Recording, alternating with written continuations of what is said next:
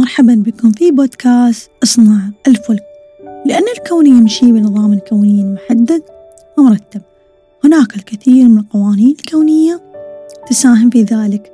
ببساطة فهمك لهذه القوانين وتطبيقها بالطريقة الصحيحة السليمة يساعد في بناء حياة مليئة من التجليات والخير الكثير.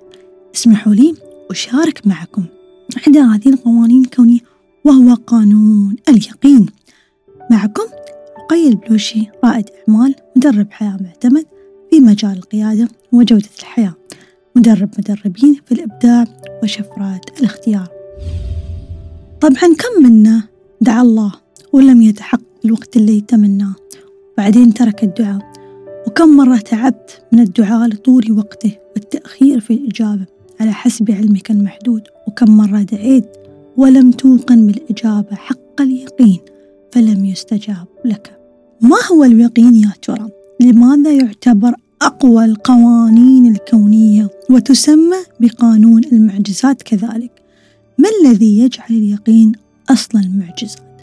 فلنقف لحظة نفهم ما معنى اليقين اليقين يا أحبتي وسكون القلب فالقلب المطمئن ليس فيه أي خوف أو نحمة ولا يتم صلاح العبد في الدارين إلا باليقين والعافية. فاليقين يدفع عنك عقوبات الآخرة والعافية تدفع عنك مرض الدنيا في قلبك وفي بدنك. فاليقين طبعا عند البعض الإيمان لكن عند الصالحين يقال الصبر نصف الإيمان واليقين الإيمان كله. لذلك لكل نبأ يقين. ببساطة مستوى يقينك بالشيء يحدث في واقعك. واليقين يتحرك بشكل حتمي تجاه الإنسان سواء عاش في شك أو عاش في يقين. لذلك قال الله سبحانه وتعالى واعبد ربك حتى يأتيك اليقين. السر الخطير هنا أحبتي بأن اليقين أنت لا تذهب إليه بل هو الذي يأتي إليك لأن اليقين له حركة إجبارية يتوجه فيها الإنسان الذي لديه شك في شيء يقين هذا الشك قادم إليه.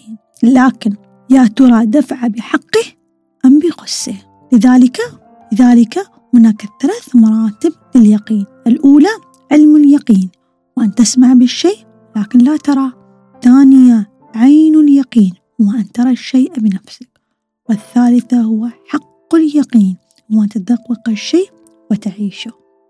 يقين يا أحبتي أصدقاء هي قصة. تعيشها في حياتك اليومية وواقع تبنيه نفسك. طبعا اليقين لا يحدث لا بكبسة زر أو بعشية أو بضحى أو هناك تمرين أو تأمل أو أي شيء ممكن يساعد في هذا الموضوع. ببساطة ويتطلب منك المرء الجهد والسعي لعبادة الخالق إلى أن يأتيه اليقين بحول الله وقوته. لو لاحظنا عند المزارعين عندما يحصد فهو طبعا ما يهتم بنوع البذور اللي يحصدها لكن أكيد يهتم بحصاد الشيء ويركز على الحصاد لا على البذور. والنتيجة لذلك عندما تعبد الله تيقن بالنتائج لا بتركز على الخطوات. طبعا الأصل باليقين هو حسن الظن بالله سبحانه وتعالى. لذلك قيل أنا عند ظن عبدي بي وأنا معه حين يذكرني. من ذكرني في نفسه ذكرته في نفسي.